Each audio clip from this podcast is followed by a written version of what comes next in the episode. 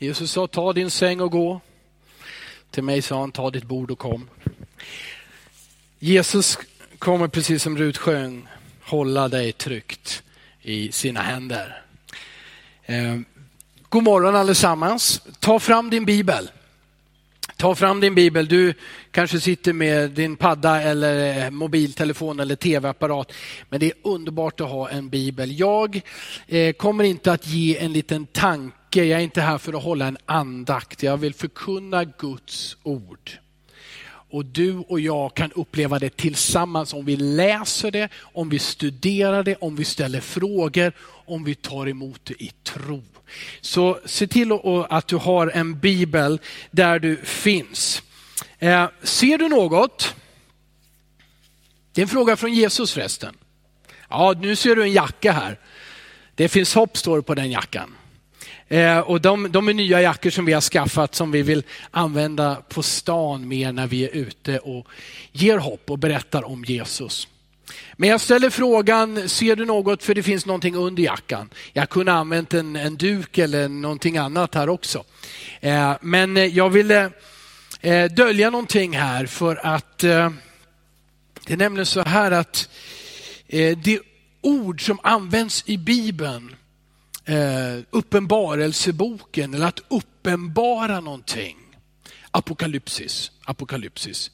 Det betyder att någonting är dolt men nu visar vi det. Och Det är samma ord som grekerna använde när de hade, en, en konstnär hade gjort en ny skulptur. Och så var den dold av ett täcke till invigningsdagen. Då skulle man, den visas och skulle den uppenbaras, apokalypsis. Och så tog man bort det här och så såg man det här. Och här har jag bara en väldigt liten sak, den ser du kanske knappt. Det är en eh, menora kallas den för. Jag brukar ofta referera till den som en sjuarmad ljusstake. En några, har du varit på besök i Jerusalem så har du sett den står eh, där nära tempelplatsen. Eh, eh, den ger ju ljus. Den brann i templet, i Salmos tempel och den ger ljus. Och vad gör ljus? Jo, det hjälper oss att se. Samma sak som uppenbarelse gör. Och Guds ord, Bibeln, är uppenbarelse. Det är när Gud ger dig och mig ljus. Så att vi förstår var vi kommer ifrån, hur vi får hjälp. Så att vi förstår Gud, lär känna honom. Så uppenbarar han sig, han visar sig. Som jag tog bort jackan som jag döljde menoran med, så tar han bort det täcke som ligger över våra hjärtan. Som gör att vi inte förstår livet och ofta saknar kraft. Den visar vad Gud vill för dig och mig. Och det är Jesus som ställer den här frågan, lustigt nog, till en blind man. Ser du något? Vi ska läsa den här texten. Har du tagit fram Bibeln så slår ni upp Markus evangeliets åttonde kapitel. Och ni som har hört mig predika förut vet att jag predikar igenom Markus evangeliet och kommer fram till vers 22. Markus 8 och 22 till 33. Det är tre stycken små berättelser kommer att fokusera på den första som är ett helande under. Men för att få sammanhanget vill jag även läsa de som följer.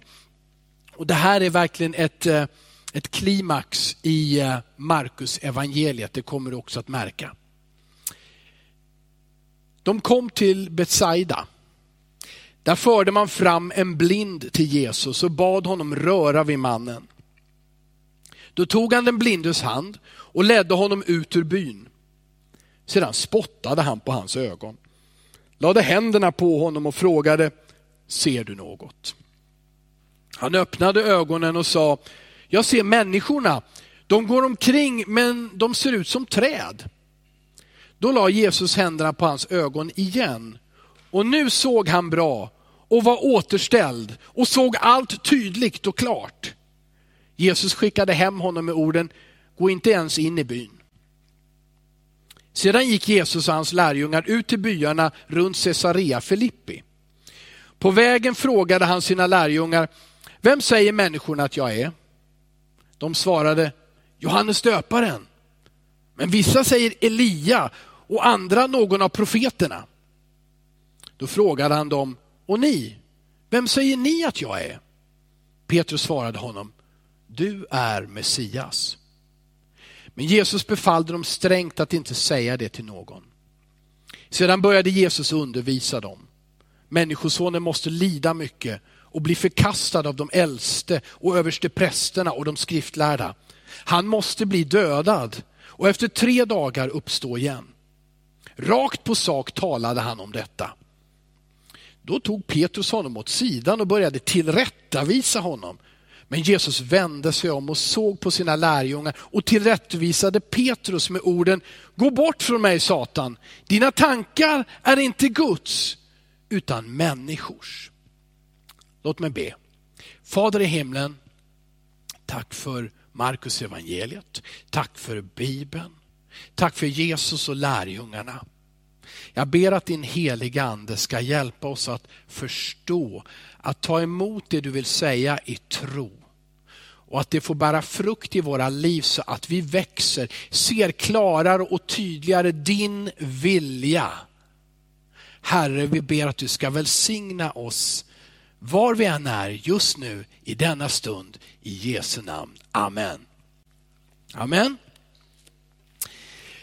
Några observationer först så här till början kring de här som jag har läst om texten och framförallt om detta under, denna blinde man som får sin syn tillbaka. Ja, jag tror tillbaka eftersom han säger att jag ser människorna men de ser ut som träd. Ja, det låter inte som han föddes blind utan någon gång i livet hade han kunnat se och skilja människor och träd åt. Nu när det här helandet skedde så såg han först någonting som han upplevde som träd. Fast han visste ju att det var människorna. Det var kanske Petrus och Johannes och lärjungarna som han såg och tyckte de såg lite buskiga ut. Hur som helst, det här, några observationer så här i början. Det här är en vändpunkt i Markus evangeliet.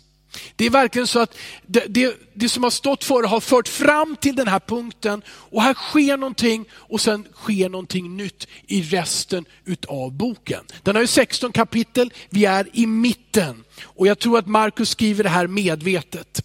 De första åtta kapitlen svarar på frågan, vem är Jesus? Vem är han? Det tog ungefär två och ett halvt år att komma upp till den här punkten där Petrus säger, du är Messias. Två och ett halvt år som besvarar, vem är Jesus? Nu är det sex månader kvar tills Jesus kommer att dö på korset.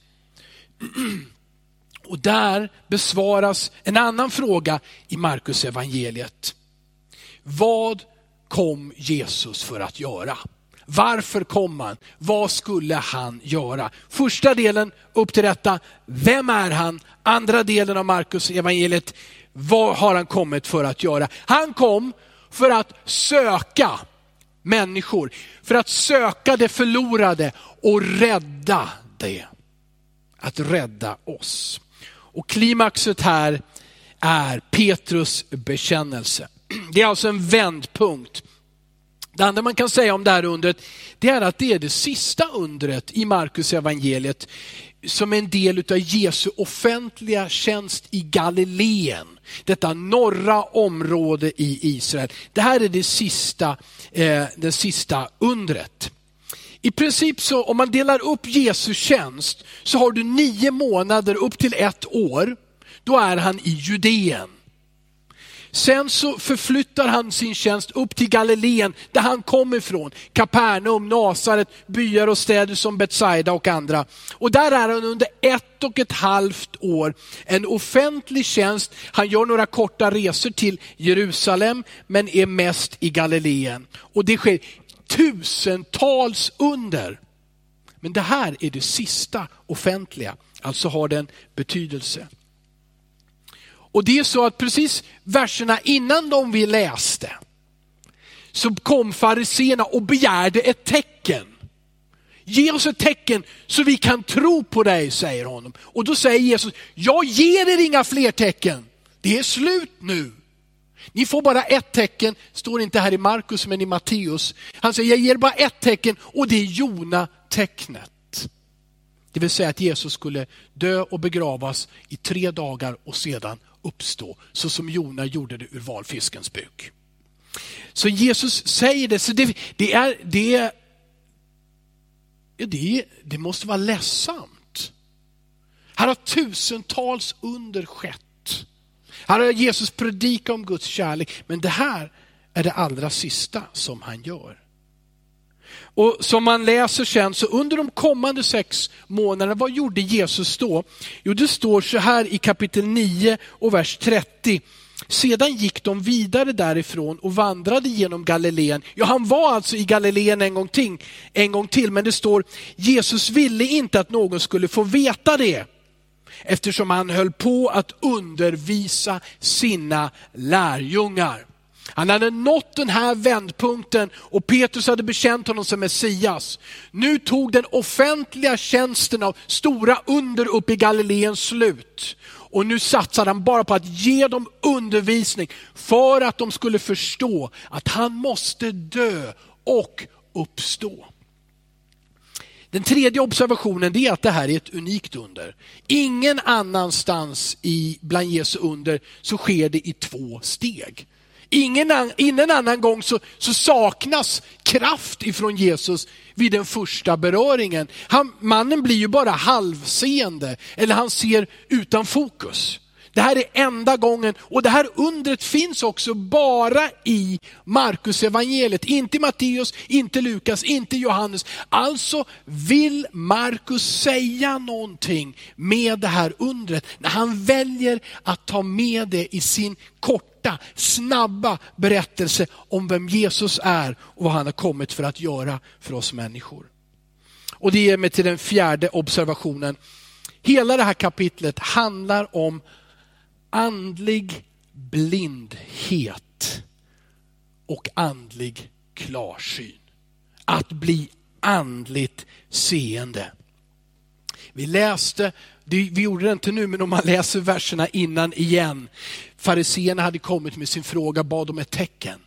Jesus hade gjort ett bröd under och lärjungarna sitter i en båt och frågar, men vi har inget bröd med oss.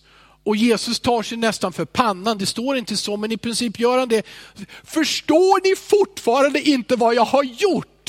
Jag har gett bröd och mat åt tusentals människor och nu är ni oroliga för om ni har lite bröd med i båten. Fariséerna förstod inte vad Jesus hade kommit för att göra. Lärjungarna hade varit med Jesus i två och ett halvt år och de förstod knappt vem han var och vad han hade kommit för att göra. Hela det här kapitlet handlar om vår andliga blindhet. Men att Jesus vill ge oss klarsyn och klart seende. Det står så här i Ordspråksboken 29 och 18. Utan uppenbarelse går folket vilse. Lycklig är den som tar vara på Guds undervisning.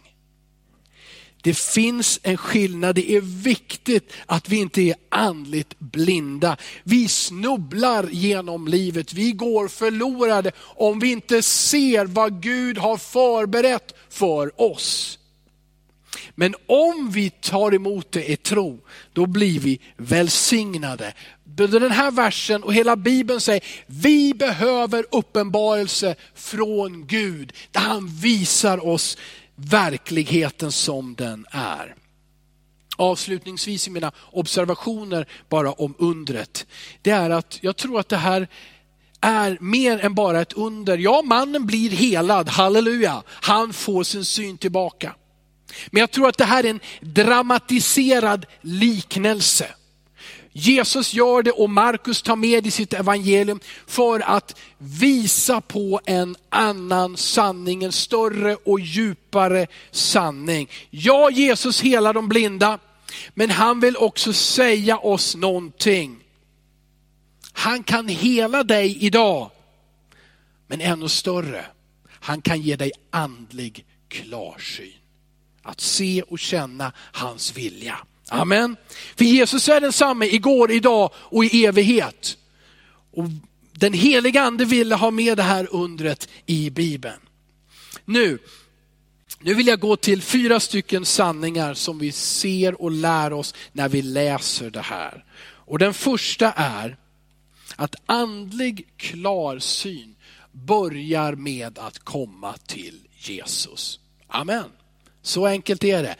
Du får andlig klarsyn genom att komma till Jesus. Vi läste i vers 22, de kom till Besaida, där förde man fram en blind till Jesus och bad honom röra vid mannen. Han kom till Jesus, han blev förd till Jesus och de ville att han skulle röra vid honom. Men det är klart att fysisk blindhet är uppen, mer uppenbar en andlig blindhet. Det är inte lika lätt att erkänna och känna igen. Fariséerna var andligt blinda och det förstod nog lärjungarna. Men de förstod inte att inte heller de såg vem Jesus var och varför han hade kommit. Vi kan, du kan vara andligt blind. Om du inte ser vem Jesus är, så är du andligt blind. Om du inte ser hur synden påverkar alla människor och hela vår tillvaro, så har du inte andligt seende. Om du inte ser evigheten och vikten av att ta emot Jesus i det här livet, så ser inte dina ögon, dina, ditt hjärtas ögon klart. För om du skulle se vem Jesus är, vad han har gjort på korset, hans uppståndelse, Guds kärlek, då skulle du ge ditt hjärta till Jesus. Och då skulle du berätta för andra människor. Det står så här, och Paulus gör det väldigt klart, om vi bara slår kort upp andra Korinthierbrevet, kapitel 4, ja, kapitel 4, vers 3 och framåt. Då är det så att, att Bibeln, den, den, den avslöjar också. Den visar inte bara vad Gud gör, utan Bibeln avslöjar vad vår fiende gör, vad Satan gör. Och då står det så här, andra Korinthierbrevet 4, vers 3 till 6. Om vårt evangelium är dolt, så här som jackan dolde ljusstaken här. Om vårt evangelium, de goda nyheterna är dolda, så är det dolt för dem som går förlorade. Den här världens Gud, och nu talar Paulus om Satan, vår fiende. Den här världens Gud har förblindat de otroende sinnen så att de inte ser ljuset som strålar från evangeliet om Kristi härlighet. Han som är Guds avbild. Och så skriver Paulus, vi predikar inte oss själva. Vi predikar Jesus Kristus som Herren och oss som era tjänare för Jesus skull. Gud som sa, ljus ska lysa ur mörkret. Han har lyst upp våra hjärtan för att kunskapen om Guds härlighet som strålar från Kristi ansikte ska sprida sitt ljus. Amen. Satan vill förblinda oss, eller han har förblindat oss, men Jesus vill ge oss klar syn så att vi ser det som är verkligt viktigt. Hur blir jag av med min skuld? Hur blir jag av med min synd? Vad ska jag säga till Gud den dag jag står inför honom och ska avlägga räkenskap för de år och det liv jag fick på jorden. Det är de viktiga sakerna och Gud vill väcka oss med sin helige ande, att vi ser det. Att vi inte säger, ja det får ske senare, jag måste leva livet först. Innan jag blir gammal så får jag väl fundera lite på vad som händer efter döden. Nej, då är du blind om du resonerar så. Du behöver komma till Jesus och bli berörd av honom. Tillbaka till mannen som var blind och blev helad, om han inte hade kommit till Jesus, då hade han förblivit blind resten av sitt liv. Men han kom. Och därför så börjar andlig klarsyn för varje människa med att komma till Jesus. Den andra sanningen som jag vill betona här som vi ser, det är att om vi inte erkänner att vi är andligt blinda så kommer vi aldrig att se klart. Precis som den här mannen inte skulle ha blivit seende fysiskt om han inte kommit till Jesus. Så om vi inte erkänner att vi är blinda, att vi inte ser allt tydligt och klart, då kommer vi heller aldrig att se. Det står i vers 23. Jesus tog den blindes hand och ledde honom ut ur byn. Sedan spottade han på hans ögon, lade händerna på honom och frågade, ser du något? Jesus spottade, det är ovanligt, eller hur? Ja, det, det, är bara här och i kapitel 7 i Markus, de andra evangelierna tar inte upp den spottande Jesus. Eh, det är lite otäckt det där, eller hur? Eh, vi brukar ofta ha förbön i kyrkan och tänk om du kommer fram för förbön och förebeder. Ja, man ser hur du ryggar tillbaka och hämtar, tar fram näsdukar och allt möjligt eller springer därifrån. Ännu mer i dessa coronatider. Jag skulle bara vilja röra vid dig. Kan jag lägga mina händer på dina öron? Så får jag spotta lite på dina ögon? Det, man blir helt chockad här. Vad är det som händer?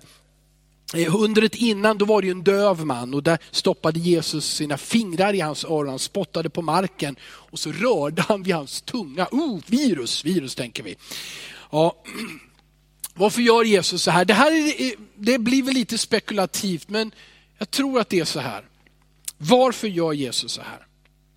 Det fanns folktro i Israel. Folktro har det funnits, eller finns i alla länder. Kanske inte lika starkt idag, men folk brukar knacka i bordet och lite sådana här saker på grund av folktro, för att ha tur. Eh, det fanns folktro om att det fanns kraft i saliven, att det fanns någon helande medicinsk kraft i saliv. Så mitt förslag är att när Jesus spottar här, jag tror inte att han loskar, jag tror att han spottar lite lätt. Så vill han väcka tro i den här blinde mannen. Att nu sker någonting som aldrig har skett för i ditt liv.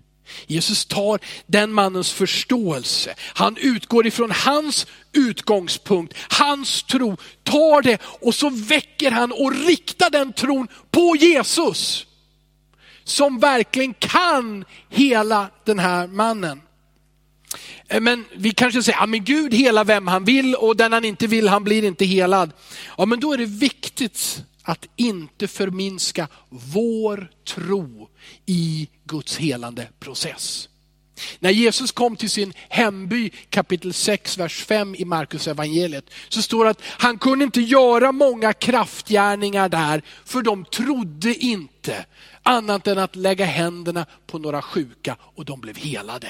Människornas otro i hans hemby, deras likgiltighet hindrade helande och kraftgärningar att ske. Vi samarbetar med Gud genom vår tro. Vår inställning får inte vara att vi får se om Gud vill och kan göra någonting. Om han inte gör det så ja, då sker det inte helt enkelt. Utan vår inställning behöver vara den utav tro, av en positiv hållning mot, när Jesus säger, jag vill hela dig.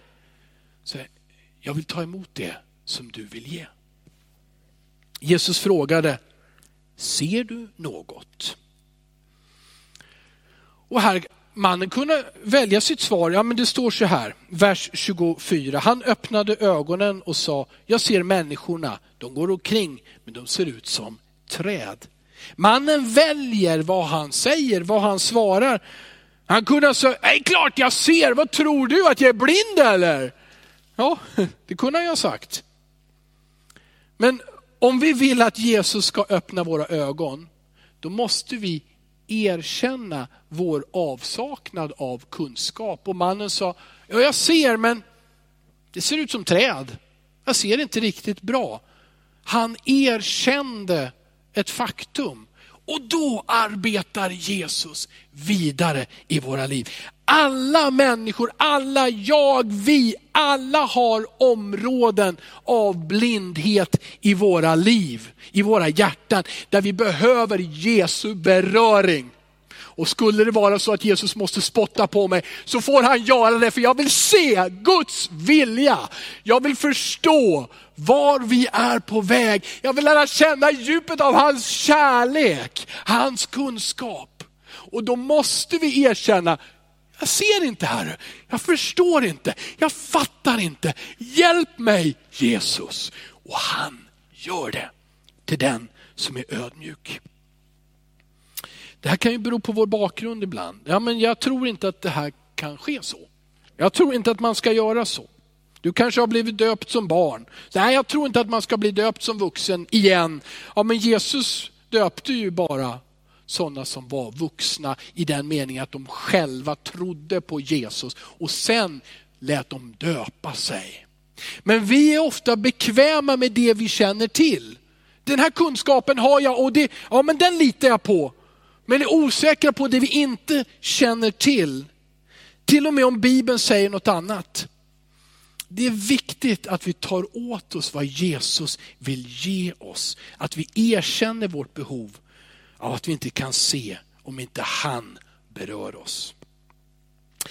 Den tredje sanningen ur det här eh, bibelsammanhanget. Vår andliga klarsyn formas i gemenskap med andra.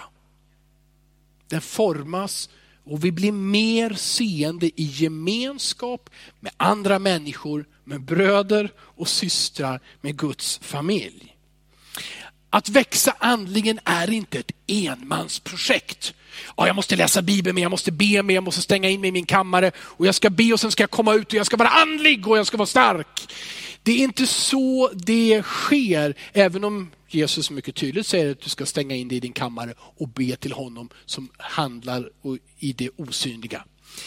Men det är inte ett enmansprojekt, det är någonting som sker tillsammans. Du behöver vara del av en församling, du behöver vara del av en hemgrupp av människor som vill växa, som vågar erkänna, jag ser inte allt. Men jag vill se mer av det Jesus vill visa mig. Sök dig till människor med denna längtan i hemgrupper, i undervisningssammanhang, i de här tiderna via nätet kanske, i kyrkor och i församlingar. Den här mannen, han hade aldrig blivit seende om han inte hade haft några vänner. Eller hur? De tog honom till Jesus. Och så mötte han Jesus och så fick han sin syn. Han satt inte ensam hemma och funderade på hur ska jag bli seende igen? Det är ju helt omöjligt. Men vännerna tog med honom. Det är så viktigt att vi ser att vår andliga tillväxt, vårt växande, är del av ett sammanhang där Gud använder andra människor och att vi vågar ta emot det som andra gör för oss och säger till oss. Även om vi inte tror. Mannen kanske kände, nej jag vill inte gå någon annanstans. Jag stannar här, för det är tryggt. Jag ser ju inte, jag håller fast mig här, jag står kvar här och vännerna drar lite. Nej men kom Jesus är där borta, kom med. Och han låter sig föras dit och när Jesus möter honom, då för Jesus honom vidare bort ifrån folkmassorna innan han helar honom. Han litar på det. Och jag vill bara ge er en vers i eh, Ordspråksboken 13 och 20. Det står så här, lyssna. Det här är Ordspråksboken, det finns inte större vishet än detta.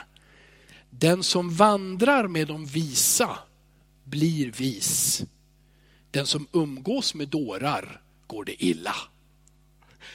Välj att vara med människor och välj ditt sällskap. Om du vill bli vis, hur ovis du än känner dig, men välj att vara med människor som investerar i dig och hjälper dig att växa. För du påverkas av andra. Amen. Den fjärde och sista punkten, eller sanningen som, som jag vill lyfta fram ur det här helande undret, och det här sammanhanget. Andlig klarsyn kommer från Gud och behöver återupprepade beröringar. Alltså inte bara en, ja jag har blivit frälst, nu har jag allt, nu vet jag allt. Tack Jesus, jag fattar inte så mycket men jag är frälst. Ja, men titta här på vad som sker just i undret. Och kom ihåg, jag tror verkligen att det här undret är en dramatiserad liknelse, en, en sorts levande charad. Där Jesus visar, så här arbetar jag med er för att ni ska bli seende och se mer. Det stod i eh, vers 25 då, då. Då la Jesus händerna på hans ögon igen. Och nu, och så använder, och för, för att verkligen stryka under nu, nu är det inget halvt helande, så följer tre stycken verb som säger samma sak. Nu såg han bra och var återställd och såg allt tydligt och klart. Jesus behövde beröra den här mannen en gång till. Och om vi då tänker på lärjungarna i det här sammanhanget som fortfarande inte förstod vad Jesus måste göra, vad han har kommit för att göra. Så om vi läser vidare i vers 27 så står det att Jesus och hans lärjungar gick ut till byarna runt Caesarea Filippi. Det här är nu en, en marsch på kanske 40 kilometer på fyra mil bort. Så det är inte så att de bara lämnar Betsaida och går till nästa by, utan nu går de norrut mot Caesarea Filippi vid berget Hermon vid dess fot. Eh, de har alltså varit upptagna över öronen nu. Jesus har helat människor, han har hjälpt människor, han har undervisat massorna, han har gett dem mat, han har fixat så mycket. Men nu så tar Jesus tid för lärjungarna och som Lukas skriver, det gick också ett antal kvinnor med dem hela tiden. Nu tar Jesus tid för att undervisa dem så att de ska växa. Punkten handlade om, sanningen handlar om, om upprepade eller återupprepade beröringar av Jesus. Jesus vet, nu har han sex månader på sig att förklara saker som lärjungarna inte ens kan drömma om. Eh, vi kan visa en bild här på Caesarea Filippi som det ser ut idag. Du kanske har varit där i norra Israel. Det är alltså en, en stor klippa, ja det är ju ett litet berg skulle man i alla fall i Sverige säga, inte i Österrike bland Alperna. Men, men det är verkligen, det reser sig upp, det är en, en klippa och så finns det grottor in i berget där. På Jesu tid var det här ett center för tillbedjan. Om vi tar fram en annan bild så ser vi att det fanns tempel där som först Herodes den store hade byggt och, och sen hans son Filippus och därför så heter det Caesarea Filippi. Och där fanns det tempel till guden Pan. Och där kom man för att tillbe. Man, du ser, man ser grottan i bakgrunden och ungefär så såg det ut. Och för människorna var de här grottorna, det var som ingången till den undre världen i grekisk mytologi och tro denna mäktiga klippa. Och du ska se, det är så spännande vad Jesus säger. Han för medvetet lärjungarna till den här platsen. Det här var utanför Israel. Det här var hedna område. Här tillbad man gudar, romerska och grekiska gudar. Här trodde man inte på Gud, Abrahams, Isaks och Jakobs Gud. Men Jesus vill visa dem någonting. En gång till vill han väldigt tydligt, jag ska förklara någonting för er. Med hjälp av den här platsen. Så han för dem dit. Och då står det så här, om vi fortsätter och läser i vers 27. På, på vägen frågade han sina lärjungar, vem säger människorna att jag är? De svarade Johannes döparen, men vissa säger Elia och andra någon av profeterna. Då frågar han dem, och ni, vem säger ni att jag är? Petrus svarade, du är Messias. Men Jesus befallde dem strängt att inte säga det till någon. Han frågar dem, vad, vad säger människorna? Och sen frågar han, vad säger ni? Och frågan till dig och mig, vad är ditt svar? Vem säger du att Jesus är. Det räcker inte att känna någon, en, en man eller en hustru, ett barn eller en mamma som, som tror på Jesus, att han är frälsaren. Frågan är, gäller dig, vem säger du att Jesus är? Och eftersom Markus ger så lite detaljer, han säger bara du är Messias, så vill jag läsa ur Matteus 16, för där svarar faktiskt Petrus lite mer än bara detta. Om vi slår upp eh, Matteus kapitel 16 och vers 16. Simon Petrus svarade, du är Messias, den levande Gudens son.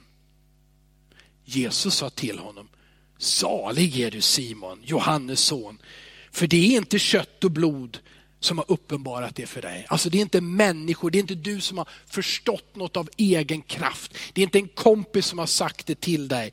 Utan min far i himlen har uppenbarat det apokalyptiskt. Han har tagit bort blindheten, höljet täcket och han har låtit dig förstå i ditt hjärta att jag är Messias, den levande Gudens son. Och det här skedde alldeles intill den här klippan i Caesarea Filippi. Och när vi läser nästa vers så säger Jesus till Petrus, och jag säger dig, du är Petrus. Det betyder klippa. Du är Petrus och på denna klippa ska jag bygga min församling. Och helvetets portar ska inte få makt över den. Jesus står inför denna bergsklippa och kallar Petrus en klippa. Och han säger den bekännelsen, den tron, den besegrar allt. Och så har du ingången, de här grottorna som människorna såg som ingången till Hades, till dödsriket. Och Jesus säger i detta hedna område där ingen tror på Jesus, ingen tror på Gud, så säger han, inte ens helvetets portar ska få makt över min församling som tror på mig och förkunnar att jag är Jesus, Messias, den levande Gudens son. Det finns en sån kraft i den uppenbarelsen när han säger, det är min fader som har hjälpt dig att förstå det här. Och det finns saker som vi människor bara kan förstå genom att Jesus berör oss. Han måste få röra vid oss, våra sinnen, vårt hjärta, fylla oss med sin ande för att vi ska förstå. Men plötsligt så förstår du saker som du inte har förstått tidigare.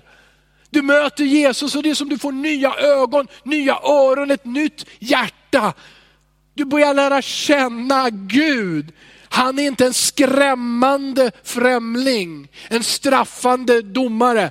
Han blir en kärleksfull far och du vet i ditt hjärta, det är sant, det gäller mig.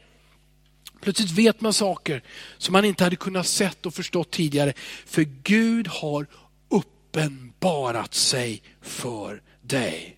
Och Det här blir tydligt om vi läser första Korinthierbrevet 2, några verser. Första Korinthierbrevet 2 och vers 9.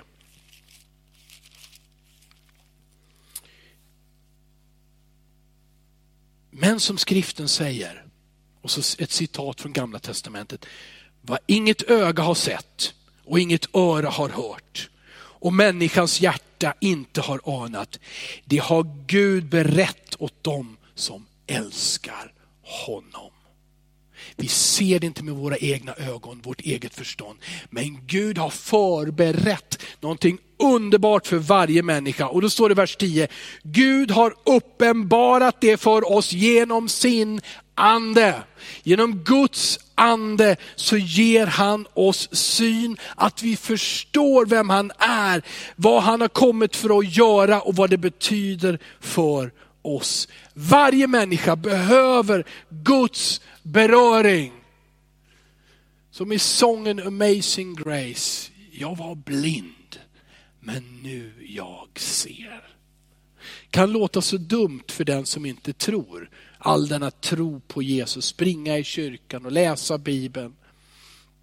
Men det står, stod i vers 14 så här i andra Korinthierbrevet 2. En oandlig människa tar inte emot det som kommer från Guds ande. Det är dårskap för henne och hon kan inte förstå det eftersom det andliga måste bedömas på ett andligt sätt. Vi behöver bli berörda av Jesus. Vi behöver återupprepade beröringar för att växa i vår klarsyn. Så att vi ger vårt hjärta till Jesus och fortsätter att växa. Låt mig också säga till dig som är troende, det räcker inte med den första beröringen. Ja, du blir frälst. Petrus bekände, du är Messias. Men märker ni sen hur Petrus fortfarande inte förstår att Jesus måste dö på ett kors och återuppstå. Resten av boken, resten av Markus evangeliet handlar om detta, att få dem att förstå. Och vi hörde hur Jesus började profetera och säga, jag måste till Jerusalem. Jag kommer att förkastas av de äldste skriftlärda och fariseerna. Jag kommer att dödas och uppstå på tredje dagen. Och lärjungarna fattar ingenting. Och Petrus som eh, alltid sväller över utav lite spontanitet.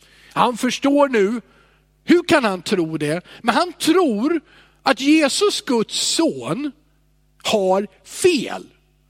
Så han börjar att tillrättavisa Jesus och säga, nej, nej, nej, du ska inte dö. Men här utgår Petrus ifrån det som var hans kunskap fram till den punkten och tror att den räcker. Och att den trumfar över vad Jesus säger. Och Jesus blir väldigt kraftfull. Det här, så, han tillrättavisar ju ingen otroende, ingen farisé på det här sättet. Men sin egen lärjunge, den älskade Petrus, säger Satan, gå bort från mig. Egentligen så säger han, ställ dig bakom mig. Det är jag som är Herre. Och jag har kommit för att säga dig sanningen, inte du mig sanningen i vårt resonerande med Gud så handlar det inte om att vi talar om för honom saker som han inte förstår och inte vet. Du förstår inte mig Gud. Du har inte fattat hur svårt det var för mig i livet. Du vet inte vad jag har gått igenom. Han vet det. Han känner dig, han har skapat dig, han har varit med dig fast du inte har märkt det genom hela ditt liv. Och det enda han vill föra dig fram till, det är att du får en uppenbarelse i ditt hjärta och du förstår hur mycket han älskar dig. Och att han vill leda dig på en evig väg.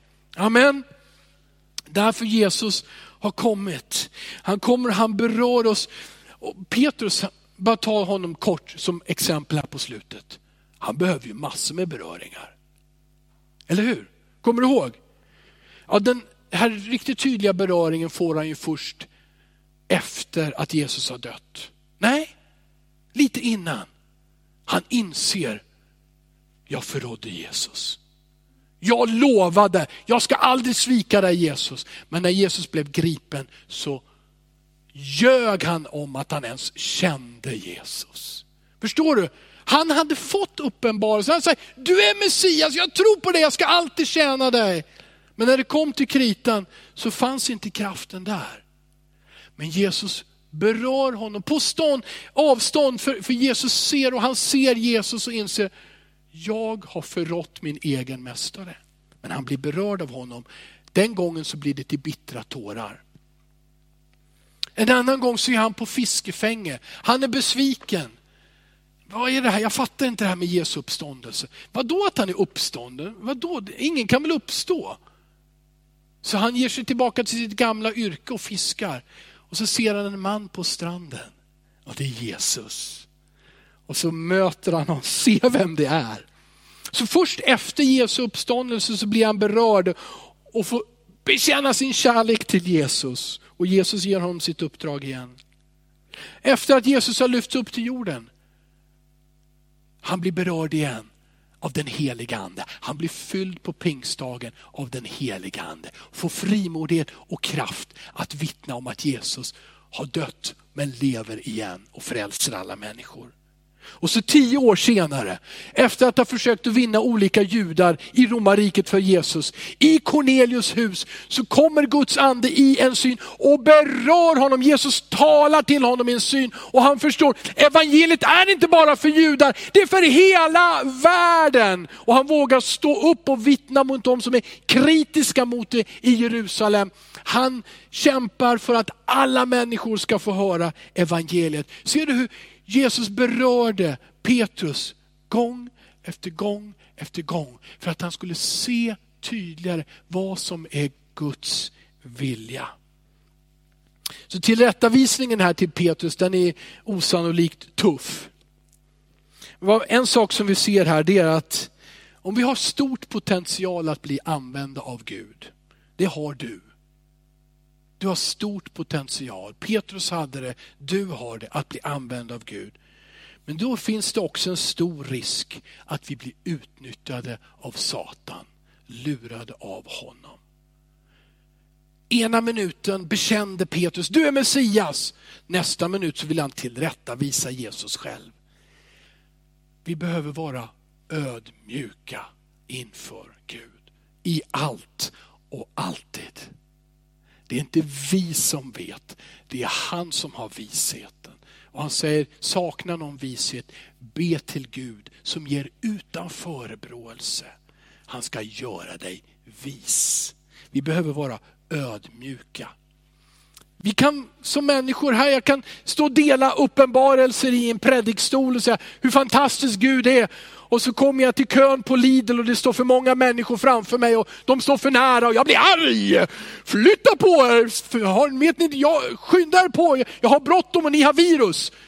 Förstår du hur, hur lätt det är för allihopa utav oss att ha fantastiska lovsångsstunder hemma eller i, i kyrkan och så ser man dig och så jag, jag tycker inte om dig.